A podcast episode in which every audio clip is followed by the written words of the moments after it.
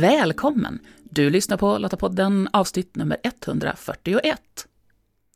Jag som pratar, jag heter Maria Öst och i den här podden så får du möta personer som på olika sätt bidrar till att stärka vårt samhälle. Och min förhoppning är att du tar med dig något från det här avsnittet som är ny kunskap för dig, som inspirerar dig eller som ger dig ett tips så att du kan öka din förmåga att främja, förankra och försvara vår demokrati. Det vill säga något som gör att du stärker din demokratiska beredskap. Lottapodden den är producerad av Svenska Lottakåren och eh, vi är en frivillig försvarsorganisation som engagerar och utbildar kvinnor som vill göra skillnad i vardag, kris och krig för att stärka samhällets krisberedskap och totalförsvaret. 24 februari vaknade vi upp till nyheten att eh, Ryssland attackerat Ukraina på bred front. Eh, Sedan dess har vi sett EU komma samman för att ge stöd till Ukraina på ett helt annat sätt än under till exempel pandemin som snarare splittrade länderna. 16 mars uteslöts Ryssland som medlemsland från Europarådet. Annika Engblom är riksdagsledamot för Moderaterna och ledamot i Europarådets svenska delegation. Eh, och I det här avsnittet så berättar hon om vad Europarådet är och hur diskussionerna gått angående Ryssland, Eh, faktiskt ända sedan annekteringen av Krim 2014 och så fram nu då till beslutet om att utesluta Ryssland. Eh, det här samtalet spelades in 28 mars. Häng med så får du också höra hur Europarådets ukrainska ledamöter har det och varför Annika valde att på ryska vända sig till Rysslands soldatmödrar. Annika, välkommen till Lottapodden. Tack så hemskt mycket Maria. Du, börjar lite kort och berätta för lyssnarna. Vem är Annika? Annika är eh, moderat riksdagsledamot och eh, företräder Blekinge eh, sedan, sedan 2006, ska jag säga. Nu behöver det på bli alldeles för många år. Det är många år som det är ändå. Jag har en bakgrund inom marinen och inom Försvarets radioanstalt, men jag är tjänstledig ifrån Blekinge Tekniska Högskola sedan jag kom in i i riksdagen då, där jag har jobbat väldigt mycket med eh, försvars och säkerhetsfrågor. Förstås, det mm. är ju en del av mitt, min, mina gener och mitt blod och mitt stora intresse. Och eh, förutom eh, riksdagsledamot så är jag också förbundsordförande för Sjövärnskåren och ordförande för Svensk Atlantkommittén som eh, arbetar med eh, NATO-frågan och transatlantiska samarbeten inom försvars och säkerhetsfrågor. Jag hör ett starkt engagemang för demokrati och mänskliga rättigheter här, tänker jag. Ja, det är det absolut. Eh, det är en, eh, en stor passion i mitt liv på många olika sätt. Att, eh, både med diplomatiska medel, med olika, alltså jobba med olika organisationer och samhälle för att upprätthålla demokratin och fred i vårt land och vårt, i omvärlden, ska jag säga. Mm eh, är någonting som liksom har genomgått som en röd tråd genom mm. livet och förhoppningsvis framöver också. Jag måste ju få vara lite nyfiken då också. Då. Vad var det som gjorde att du valde att gå in i Försvarsmakten? Det var faktiskt att eh, jag engagerade mig i marinlottakåren. Tänka sig. 1985 vill jag minnas att detta var, mm. så, eh, så eh, fick jag hem en broschyr i, och jag hade några veckor där på sommaren som jag inte hade något arbete. Det passade liksom perfekt. Min mamma var bilkorist och pappa var med hemvärnet, så att eh, det här har vi alltid levt med. Mm. I, och pappa kom från Ungern dessutom eh, så, och hade upplevt andra världskriget. Så att, eh, hade det liksom med mig. Och sen mm. fastnade jag för och gick då tre år i utbildning med, med marinlottakåren. Havet har alltid legat mig nära och så sökte jag mig då frivilligt, som det var på den tiden för kvinnor, mm. att göra värnplikten. Och marinen var det enda liksom som, som gällde för mig. Och på den vägen är det. Det, har det var en fantastisk tid eh, och jag är så glad att allt fler och fler ungdomar också mm. får möjlighet att genom värnplikten eller frivillig anställning eh, genomgå de här mm. fantastiska utbildningarna i en väldigt viktig del i livet. Ska jag säga. Mm. Ja, men verkligen. Och så har du bytt spår nu då och tjänar demokratin på ett annat sätt som riksdagsledamot. Hur gick det till? Det var också försvarsrelaterat, måste jag erkänna. Jag blev arg på de där förbaskade försvarspolitikerna. Eh, och det här var då i slutet av 90-talet som bara ska ner och ska ner och ska ner. Och så satt jag samtidigt då och jobbade på FRA och lyssnade i realtid på vad som hände och skedde. Det var ju den här tiden ungefär som Putin klev in på, på eh, den politiska arenan på allvar. Och du vet ju talesättet, if you can't beat them, join them, ungefär. Jag ville lära mig, ja, men hur går de här besluten till? Vilka är mm. människorna som ligger bakom besluten och vart tar alla pengar vägen som, som eh, svenska folket betalar in via skattsedeln? Och då engagerade jag mig först lokalt då i Karlskrona kommun där jag bor och var fritidspolitiker, det vill säga eh, arbetade samtidigt, eh, vilket var lite knepigt när man jobbar på FRA och i radiotystnad långa perioder, men det, gick ihop. Och sen eh, så eh, fick jag då den, den, stora äran av att företräda hela Blekinge i riksdagen från 2006 och mm. har gjort det sedan dess. Det är en fantastisk Eh, uppgift. Det är det mm. verkligen, att få inblick i hela samhället och hur det hänger ihop. Och inte minst är det viktigt i dessa dagar. Och jag tänker att om vi går över då till ditt uppdrag i Europarådet. Ja. Berätta, vad är Europarådet? För jag tänker att EU-parlamentet har nog de flesta rätt bra koll på, men Europarådet? Ja, det finns ju många, eller flera olika, ska säga, eh, bodies, jag vet inte, det är så bra uttryck på engelska, eh, med Europaförtecken. Eh, Europaparlamentet som sagt, som vi väljer till var femte år. Vi har Europakommissionen eh, då med eh, därtill. Vi har ju Europeiska rådet, det vill säga EUs samtliga utrikes och eh, alltså ministrar, ska vi säga, som sammanträder med, med jämna mellanrum. Och så har vi Europarådet. Europarådet är faktiskt ursprunget till allt detta. Mm -hmm. Det bildades redan 1949 av Winston Churchill. Och eh, det uppstod ur egentligen att eh, under av alla förfärliga erfarenheter av andra världskriget mm. så kastades ju Europa in i en ny konflikt, eh, det vill säga den mellan öst och väst. Efter ett tal av Winston Churchill, 1948 tror jag det var, så kom han samman av att bilda just Europarådet kring mänskliga rättigheter, kring rättsstaten, kring humanitär rätt och i anslutning med det så bildades också Europadomstolen som jag kanske mm. fler känner till än Europarådet. Europadomstolen har ju den unikiteten att man som enskild medborgare i något av Europaländerna kan föra talan emot en enskild stat. Eh, oftast är det ju liksom av en större dignitet än många andra rätter. Och eh, en väldigt, väldigt viktig institution. Men Europarådet är då ett, eh, har sitt säte i Strasbourg. Haft det sedan dess, sedan 49, i 10 oktober om jag inte minns fel. 1949 bildades det. Och eh, eh, träffas då och består då av eh, parlamentariker, det vill säga riksdagsledamöter som jag, eh, utsedda då ifrån respektive länder.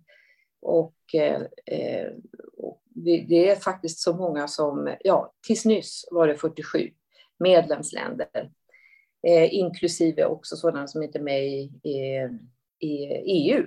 Ja, Schweiz eh, till exempel, och mm. Norge, och Azerbajdzjan, Ukraina och Ryssland. Eh, sedan den 16 mars, efter ett beslut av långa, långa diskussioner, debatter och förhandlingar nere i Strasbourg, så uteslöts eh, Ryssland som medlemsstat. Mm. Vilket var det enda naturliga beslutet efter vad som händer och sker i Ukraina. Men det är alltså, jag ska tillägga, det är alltså ett rådgivande organ.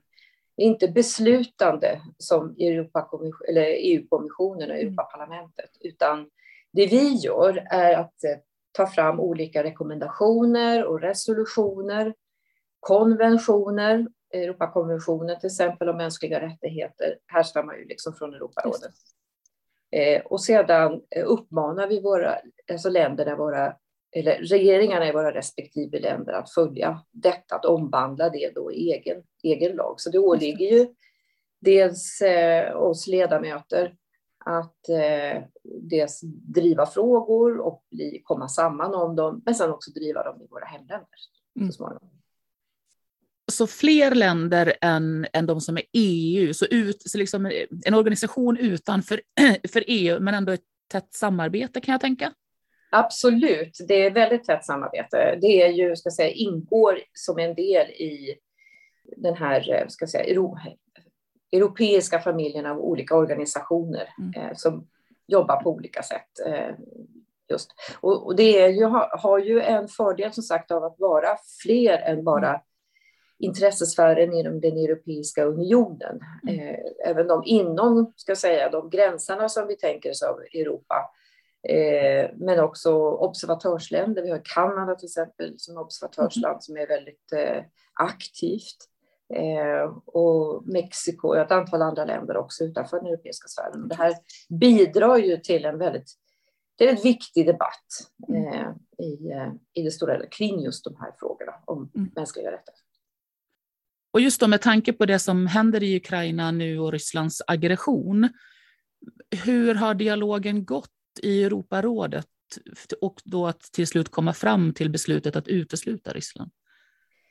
Det har varit ett stort och arbetsamt arbete, ska vi säga. Och det här började ju inte i år. Det började för åtta år sedan, i alla mm. fall kring Ukraina och eh, Ryssland med invasionen av Krim. Då suspenderades Ryssland ifrån att närvara, att skicka delegater, att närvara i Europarådets sessioner som sker fyra gånger per år. Och eh, det sträckte sig eh, fram till 2019.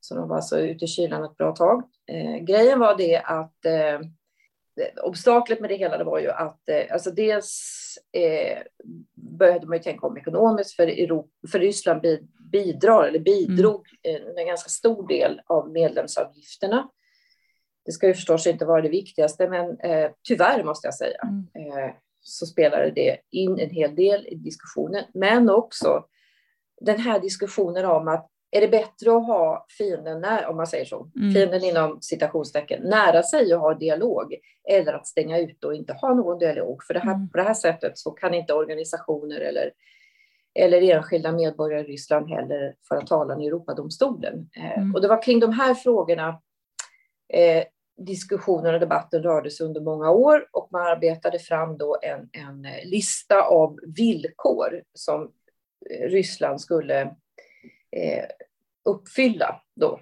för att eh, bli fullvärdiga medlemmar och så vidare. Mm. Grejen är ju den, eh, och när vi sedermera röstade om det, eh, så det var inte enighet i Europarådet om att välkomna så att säga, Ryssland tillbaka. För grejen var ju den att Ryssland hade ju fullkomligt struntat i detta. Mm. Vilket, ja, inte bara jag, utan många förstås eh, förväntade sig egentligen. För sådan har den ryska regimen, ska jag säga, inte Ryssland, utan ryska mm. regimen hanterat egentligen våra demokratiska regler ända från början. Mm.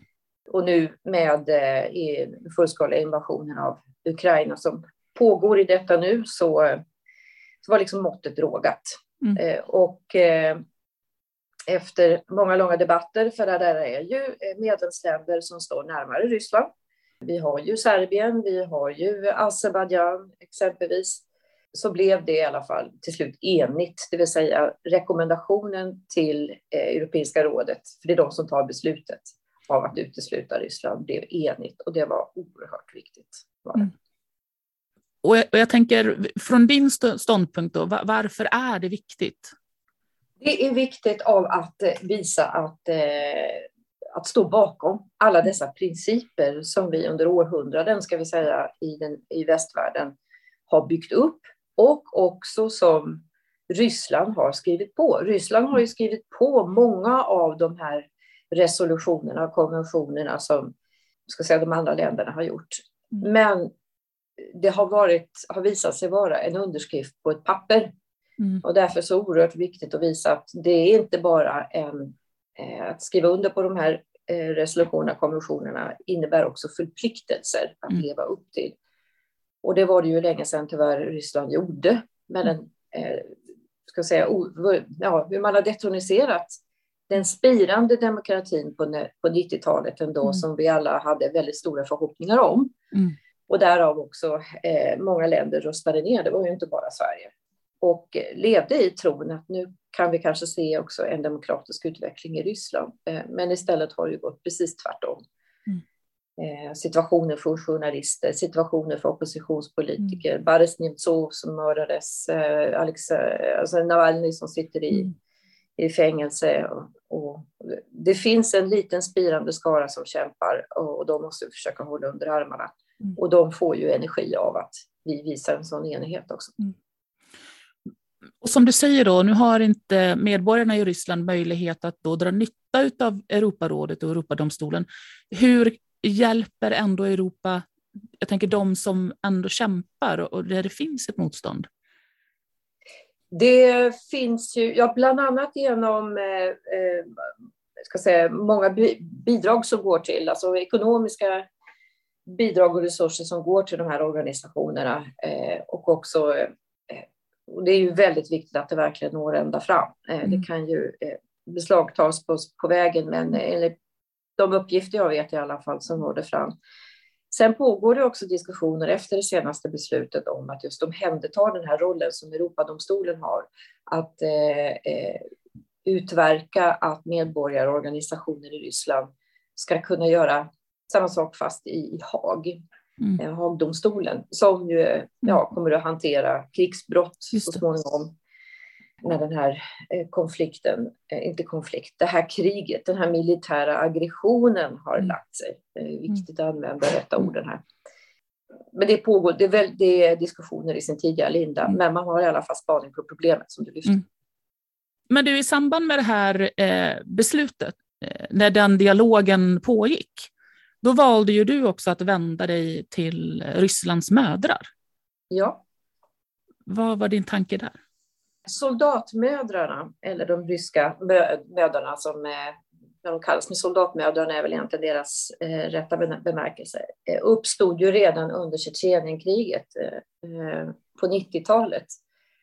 Och eh, en stark, stark rörelse eh, som eh, på olika sätt ifrågasatte kriget i Tjetjenien, varför deras eh, söner skickades hem i eh, liksäckar utan att egentligen veta varför. Ska jag säga, det fanns ju inget beslut för det heller vid, den tiden, eh, om vi säger själv, rent politiskt i Ryssland. De var väldigt aktiva likadant under Afghanistan tidigare då, men framförallt under Tjetjenienkriget jag vänder mig till dem därför att de är ju i högsta grad fortfarande väldigt aktiva och situationen är fullkomligt parallell. Det gör mig ont i hjärtat av också, inte för alla de fruktansvärda, eh, både civila och militära ukrainska förlusterna, men också över de unga ryska soldater som har skickats in i det här under falska förespeglingar. En del vittnesmål från de här unga soldaterna eh, som har blivit tillfångatagna och väl omhändertagna faktiskt av den ukrainska befolkningen eh, vittnar om att de trodde att de var på en övning. Mm. Att det inte var allvar heller. Eh, och eh, dessa eh, skeppas nu också då in i, i Vitryssland eh, och jag vet inte om de, de börjar väl komma hem nu till Ryssland vartefter, om de inte håller kvar dem i, i Vitryssland, de här avlidna soldaterna. Och eh, där, eh, därmed så vänder jag mig då på, på ryska till dem med alla, alla ryska mödrar, för ryska folket är fantastiskt eh, av att ta tag i sin inre kraft igen och eh, protestera mot denna fullkomliga eh, orätt, helt mm. enkelt, som det är både mot dem själva personligen, personligen mot deras familjer och också eh, det här kriget överhuvudtaget. Tror du att det nådde dem? Jag hoppas väl det. Det har, det har poppat upp lite i, i svenska medier i alla fall. Och, eh, ja, på något sätt så brukar väl saker och ting hit, hitta sin väg. Och, eh, vi, vi, får väl se eh, om, det får, eh, om det får spridning. Men det är i alla fall att en, en dropp, min droppe i havet i alla fall som jag hoppas med olika Eh, så att vi har ju under den här sessionen som vi hade, den extra satta sessionen som vi hade här för några veckor sedan i Strasbourg, så bildade jag, eller generalsekreteraren för, för församlingen och jag en eh, i opolitisk eh, ska säga, samling av, av kvinnor, alltså alla kvinnliga ledamöter i Europarådet. Mm.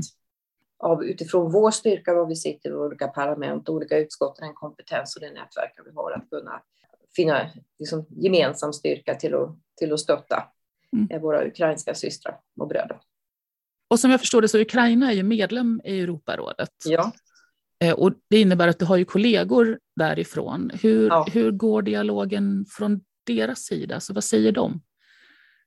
Alltså de är ju fantastiska. Eh, samtidigt, och vad jag menar då är att de som deltog sist nu, det var ju bara kvinnor. Och inte bara vilka, inte bara vilka kvinnor, utan de kallar sig själv Women Democratic Battalion of Ukraine och det är precis vad de är. Helt fantastiska, starka kvinnor. Två av dem har vid det tillfället när vi träffades senast för några veckor sedan har inget hem att komma tillbaka till. Den ena bor i Charkiv och den andra i norra Kiev. Ja, deras familjer är där.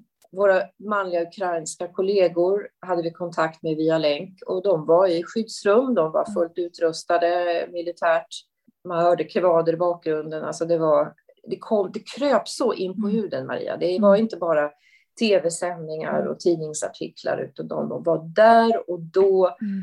Och det var vänner som man har känt i många herrans år och eh, suttit och ätit middag med och tagit ett glas vin och pratat om livet är det mesta och så är det så brutalt, mm. brutal verklighet just nu. Så det var oerhört känslosamt men också eh, en oerhörd beslutsamhet mm. över att på alla sätt och vis arbeta för att få, få, få slut på denna, detta orättfärdiga militära mm aggression helt enkelt. Mm. Men de är verkligen hjältar. Vad hoppas du på nu? Ja du, eh, senast på nyheterna i morse lyssnade jag till eh, eh den ytterligare en internationell hjälte. Där har vi ju en kandidat för fredspriset. Om någon så är vi ju eh, Volodymyr Zelensky, Ukrainas president, som pratade om eh, kompromiss, eventuellt om Donbass. Det är det jag vet i dagsläget. Eh, de kämpar ju med näbbar och klor för att eh, överleva som nation. Det går inte bra för Ryssland. Det är ju ytterligare en överraskning, tror jag, för väldigt många hur illa organiserat den här invasionen är från rysk mm. sida.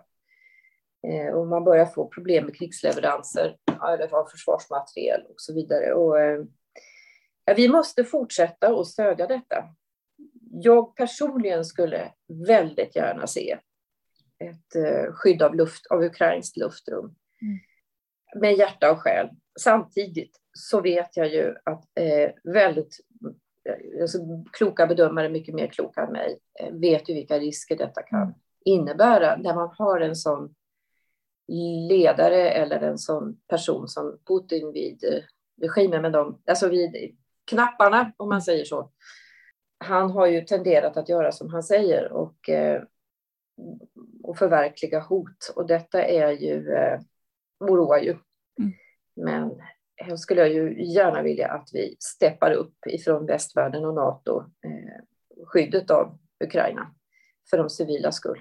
Mm. Situationen nere i Mariupol är ju, mm. ja, är ju, förstå vad mycket människor, det är hundratusen människor kvar. Mm. Barn, unga, gamla. Mm. Ja, det är ofattbart att förstå hur de klarar dag till dag. Det, ja, men precis. Det är svårt att ja, förstå. Det svårt. Ja, det är svårt att fatta. Men det är ju som sagt helt omöjligt att, att sia om överhuvudtaget om vad som kommer att hända närmaste tiden. Men ett slut måste du få. En månad plus har gått nu. Och enormt mycket människor som, som flyr också, eh, mm. som naturligtvis har tagit sig ur Ukraina men också som fortfarande är kvar inom landet. Så att, eh, ja. ja, en enorm tragedi. Ja, men det är det absolut. Eh, jag känner kanske väldigt mycket, just här och nu så känner jag en för stor förtvivlan helt enkelt av vad som sker. Men det ger ju också, eh, som sagt, men också förbannad över mm. att eh, det går till på det här sättet. Och man kan ju hämta energi av att faktiskt agera ur de här olika reaktionerna. Men mm. eh, jag har stor förhoppning om att eh, det här kommer att eh, sluta till Ukrainas fördel. Jag ser med stor förhoppning om på det sättet som Europa på väldigt mm. kort tid har kommit samman.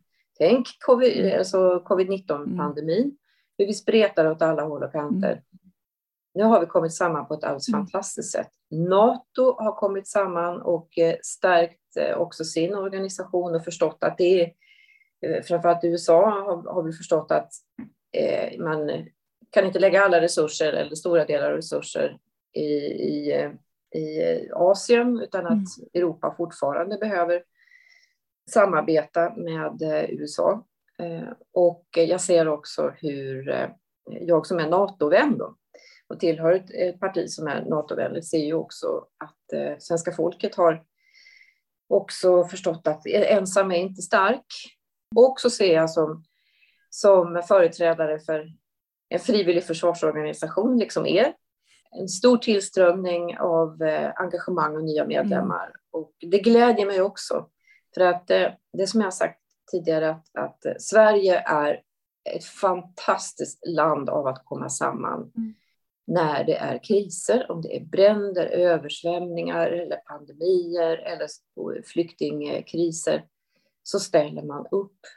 Mm. Och det här, den senaste krisen och nu när det även säkerhets och försvarsläget har blivit så allvarligt eh, så har man också förstått att jag måste liksom preparera mig själv och mm. Eh, jag måste också utbilda mig att vara eh, en del av, av Sveriges försvar. Mm. Också, både för mig själv och för andra. Mm. Och jag tycker att det, det, det fyller mig med sån värme och stolthet mm. över vilket fantastiskt land vi har och hur, det, hur mycket det är värt att försvara vårt sätt att leva. Ja, men verkligen. Det, det är verkligen fantastiskt att se den, den viljan att vilja stå upp för, för våra grundvärderingar som samhälle och som, ja. Eh, och som Europa också nu då väldigt tydligt visar. Fantastiskt. Annika, stort tack för att vi fick eh, prata lite med dig om, om Europarådet och det här historiska beslutet att faktiskt utesluta en, en medlem. Tack så mycket för att jag fick vara med. Det är svårt att ta in det fruktansvärda som händer i Ukraina, det lidande som befolkningen utsätts för. Samtidigt fortsätter ju vardagen här. Men om något så visar kriget i Ukraina hur skör demokratin kan vara och visar verkligen på att vi varje dag behöver stå upp för våra fri och rättigheter och inte ta dem för givna. Eh, och precis som Annika säger så är det fantastiskt att se vilken beslutsamhet som det svenska folket visat i att vilja göra en insats för vår egen demokrati och för att även hjälpa Ukraina och inte minst ta emot dem som flyr kriget och kommer hit. Det ger verkligen hopp. Lästips relaterat till det vi samtalat om i det här avsnittet det hittar du på lottapodden.se. Och så vill jag påminna dig som är yrkesverksam inom Sveriges olika samhällsnivåer Eh, om Mötesplats samhällssäkerhet som genomförs 31 maj till 1 juni på Kistamässan i Stockholm. Där möter du andra som, precis som du, funderar på hur vi tillsammans bygger ett starkt och tryggt Sverige. Gå in på samhällssäkerhet.se och läs mer. Och om du, precis som Svenska Lottakåren, tycker att fred, demokrati och mänskliga rättigheter är värda att försvara och du vill vara med och göra skillnad för vårt samhälles krisberedskap och totalförsvar, ja men då ska du gå till svenskalottakåren.se. Där hittar du information om hur just du kan göra skillnad. Nästa avsnitt av Lottapodden kan du lyssna på om två veckor den 14 april. Och då möter du Rebecka som är en av över tusen kvinnor som valt att bli medlem i Svenska Lottakåren sedan Ryssland attackerade Ukraina 24 februari. Jag går med, för varför ska jag sitta här och vara orolig och eh, inte veta riktigt vad jag ska göra, men jag kan gå med här och, och faktiskt göra en insats för samhället samtidigt som jag får information om hur jag själv kan jobba med hemberedskap och på så vis mota, mota Olle i grind, alltså den här rädslan som mm. många har drabbats av nu. Jag tycker att man motar bort den när man, eh, när man får koll på hur man ska göra och vad man själv kan göra. Så om du inte redan gör det, prenumerera på Lottapodden så du hör avsnittet i din poddspelare direkt när det släpps. Du hittar podden bland annat i Apple Podcast, Podbean eller på Spotify. Och om du gillar Lottapodden, berätta gärna för andra om den. Och lämna gärna en recension på Apple Podcast så hjälper du fler att hitta till podden. Och tack för att du lyssnar. Hej så länge!